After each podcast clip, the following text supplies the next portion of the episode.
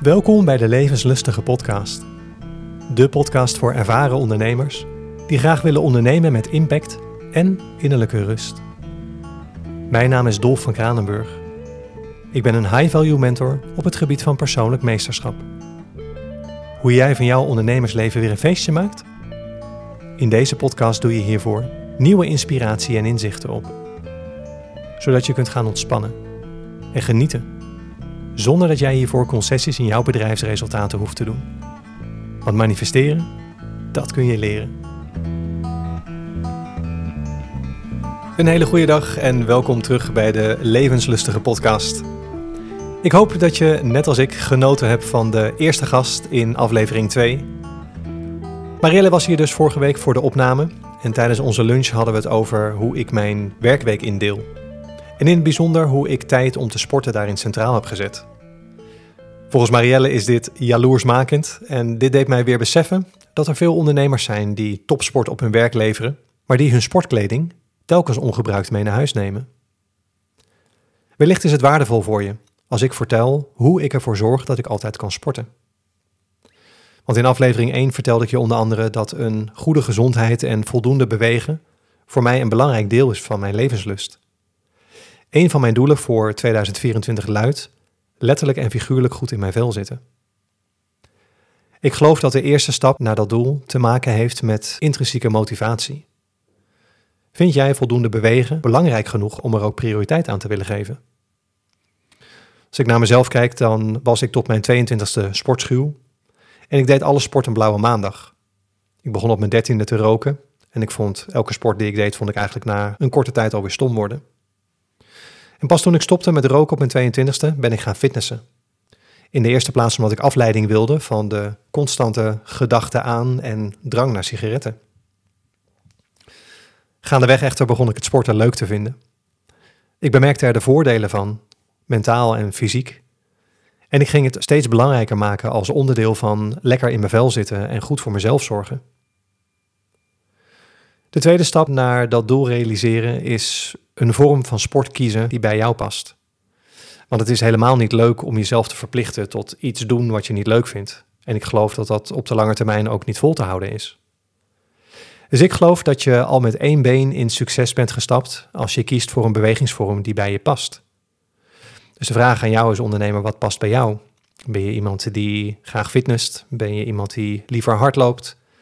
Past een individuele sport bij jou? Of ben je meer iemand van de teamsport? Of is het voor jou helpend en leuk op het moment als je samen met iemand sport? Ik ben een echte individuele sporter. Mijn doel is om naar de sportschool te gaan om echt te bewegen. En ik kom daar bijvoorbeeld niet om te socializen. Ik denk dat ik eh, nu al tien jaar bij de sportschool train waar ik nu zit. En ik ken in principe ken ik daar niemand. Ik herken mensen, maar het enige wat ik in die afgelopen tien jaar gezegd heb is hallo en dag tegen de trainers. En hoeveel setjes moet je nog om te weten hoe lang ik nog moet wachten voordat ik het volgende apparaat kan, uh, kan gebruiken. Dus ik ben uh, niet echt een praatjesmaker op de sportschool. Helemaal niet zelfs. En dat is ook gewoon niet mijn doel. Ik wil gewoon echt lekker sporten. Ik trek daar 60 minuten voor uit. Ik wil 60 minuten binnen zijn, daarin al mijn oefeningen doen. En ik ben binnen en buiten en dan ben ik weer weg. Dat is mijn doel. En ja, om te socializen, om ja, nieuwe kennis op te doen, vrienden te maken, ja, daar doe ik weer andere sporten voor. Ik heb uh, het padellen ontdekt op Ibiza. Iets wat uh, superleuk is, omdat je eigenlijk altijd met z'n vieren op de baan staat. Dus je leert heel snel nieuwe mensen kennen. Je staat altijd met andere mensen van verschillende niveaus. Dat is ook weer heel erg leuk in de, en, en, en uitdagend. Dus dat is voor mij wel een bewuste keuze om op die manier mensen leren kennen en om samen ook iets te, te ondernemen. Dus het is naar mijn mening belangrijk dat je van jezelf weet en ontdekt welke sport bij jou past en of je dat uh, het liefst in je eentje onderneemt of samen met anderen. De derde stap, hoe ik ervoor zorg dat ik tenminste aan drie keer per week sporten kom, is om dit eerst in te plannen in mijn agenda. Ik heb ervaren dat het inplannen van mijn sportmomenten dat het cruciaal is, want als ik dat niet doe, dan ga ik op in de waan van de dag en dan schiet de sport erbij in en heb ik aan het eind van de week niet of maar slechts een paar keer gesport. Dus ik heb een terugkerende afspraak in mijn agenda staan. Op maandag, woensdag en vrijdag tussen half 1 en 3 ben ik niet beschikbaar. Dan sport ik, daarna sta ik onder de douche en lunch ik even. En als ik dat gedaan heb, dan ben ik weer fit en is mijn hoofd leeg waardoor ik vanaf drie uur nog een paar uur productief kan zijn. En soms werk ik dan met gemak door tot half zeven. En soms ben ik om half vijf voor die dag al klaar. Dus ik plan mijn drie vaste sportmomenten als terugkerende afspraken in mijn agenda. Daarna plan ik de zes werksessies die ik heb met cliënten op dinsdag, woensdag en donderdag op vaste tijden. En daaromheen smelt ik alle andere afspraken en activiteiten van mijn werkweek. En als ik op een van die drie dagen niet kan sporten, vanwege een zakelijke activiteit waar ik echt bij wil zijn, wanneer er iets anders dringends voorbij komt of als ik echt eerst een deadline te halen heb, dan kijk ik eerst even of ik een alternatief voor mijn sporttijd heb. Bijvoorbeeld om mijn sporttijd van maandag naar de dinsdag te verplaatsen of die van de woensdag of de vrijdag naar de donderdag. En bij hoge uitzondering op een zaterdag of een zondag. Want bij voorkeur hou ik mijn weekenden als het even kan vrij om mijn lichaam en geest rust te geven. En daarnaast ben ik me heel bewust van hoe fit ik ochtends wakker word. Dat is voor mij ook een graadmeter hoe fit ik ben, hoe uitgerust ik lichamelijk en geestelijk ben.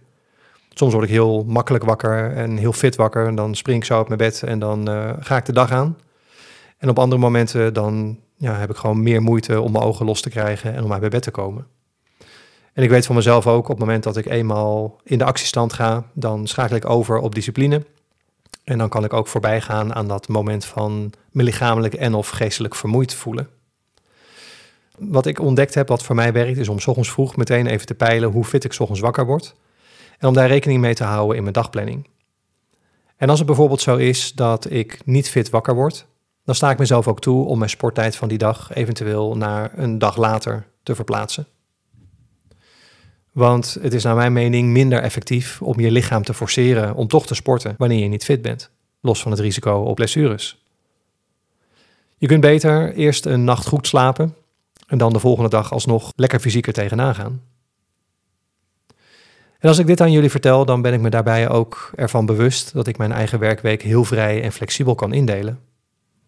Doordat ik gekozen heb voor een volledig remote bedrijf en ik daarvoor weinig tot geen reistijd heb. Ik kan me ook voorstellen dat dit voor jou als luisteraar wellicht anders werkt. Dus graag vertel ik je dan ook hoe ik mijn sporttijd veilig stelde toen ik nog in loondienst werkte en hele dagen op kantoor moest zijn. In de beginjaren en nog voor mijn burn-out ging ik vaak s'avonds laat nog sporten.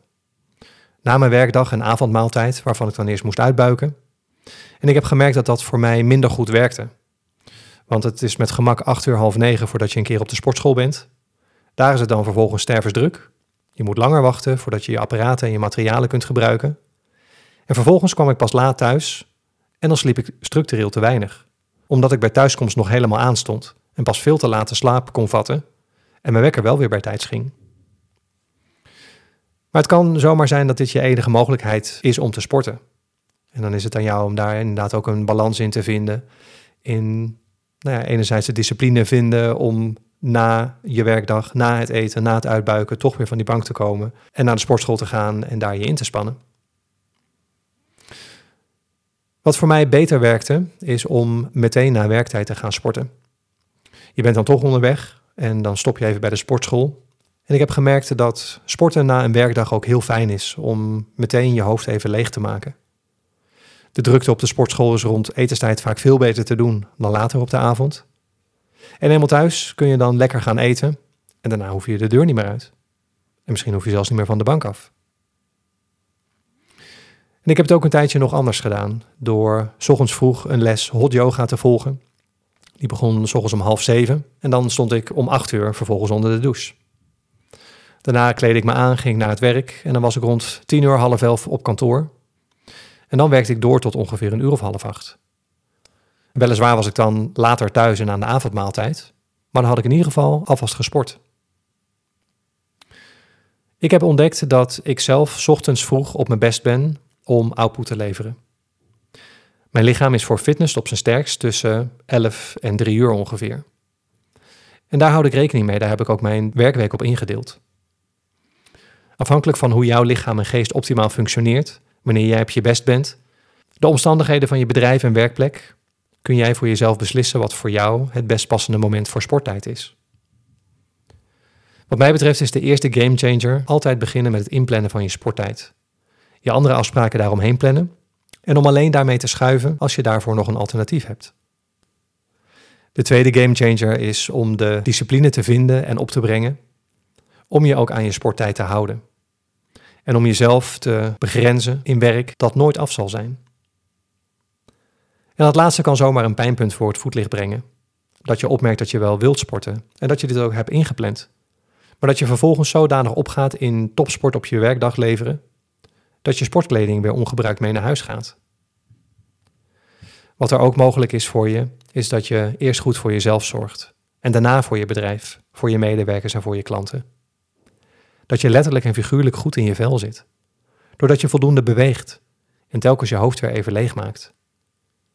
Dat je je fit en vitaal voelt, lekker in je lichaam zit en dat je mentaal scherp en present bent. Waardoor jij voelt wat er echt nodig is voor een oplossing waarvan iedereen profiteert. Ik geloof dat een gezonde geest alleen in een gezond lichaam kan wonen. En dan een gezond lichaam alleen een gezonde geest zal huisvesten. Als het voor jou lijkt alsof je hierin geen keuzevrijheid hebt, dan kan het zijn dat je in de overleefstand staat. Wellicht zelfs zonder dat je dit zelf in de gaten hebt. Ik geloof dat alles voor je gaat veranderen als je uit de overleefstand komt en ruimte gaat geven aan levenslust. Het kan heel goed zijn dat je daar zelf niet uitkomt of dat je niet weet waar je moet beginnen. Als dat zo is, vraag dan een clarity call aan. Dan denk ik even één op één met je mee voor een persoonlijk advies op maat en wat jij nu al kunt doen om meer ruimte voor ontspanning en voor fysieke inspanning te maken. Dit was hem weer voor nu. Leuk dat je weer hebt geluisterd. Ik wens je een vitale voortzetting van je week en graag tot de volgende keer.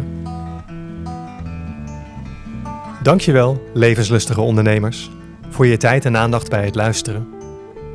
Als dit waardevol voor je was, laat dan even een review achter.